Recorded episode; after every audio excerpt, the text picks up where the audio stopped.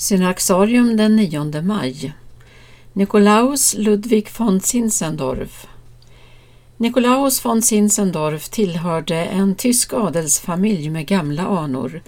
Föräldrarna var pietister och rörelsens förgrundsgestalt, Filip Jakob Spener, blev gudfar åt den unge Nikolaus. Sin skolgång genomförde han i Hall under inflytande av pietismens andra starke man, August Hermann Franke.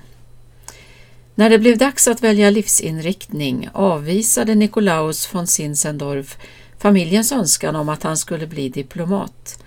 Istället införskaffade han en egendom och samlade där vänner och likasinnade med ambitionen att förverkliga pietismens ideal om en gemenskap av troende som tillsammans levde ut det kristna livet. År 1722 fick Zinzendorf kontakt med en grupp flyktingar från Böhmen, nuvarande Tjeckien.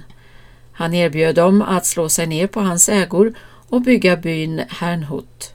Mångfalden av religiösa övertygelser i trakten ledde nu till konflikter och Zinzendorf lämnade därför alla andra åtaganden för att söka mäkla fred.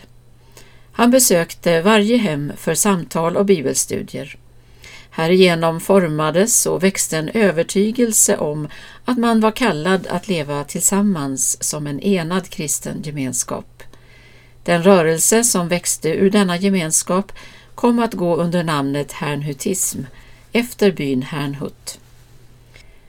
Till vägledning för gemenskapens liv formulerade man ett Brüderlicher Vertrag, en broderlig överenskommelse. Denna gav konkret och praktisk vägledning för det gemensamma livet. Den utgjorde ett slags regel för en lekmannagemenskap som även innefattade familjer. Kännetecknande för den var att man la större vikt vid det levda kristna livet än vid lärosatser.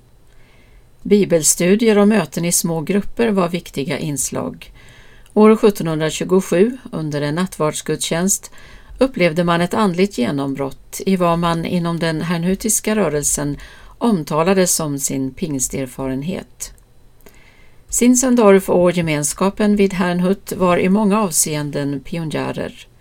Bristen på förebilder, liksom på en plats i ett större sammanhang, gjorde att man i olika avseenden lätt hamnade i överdrifter. Sinsendorf hade ett öppet sinne, var entusiastisk och flexibel. Han ville komma framåt och var öppen för att pröva olika vägar.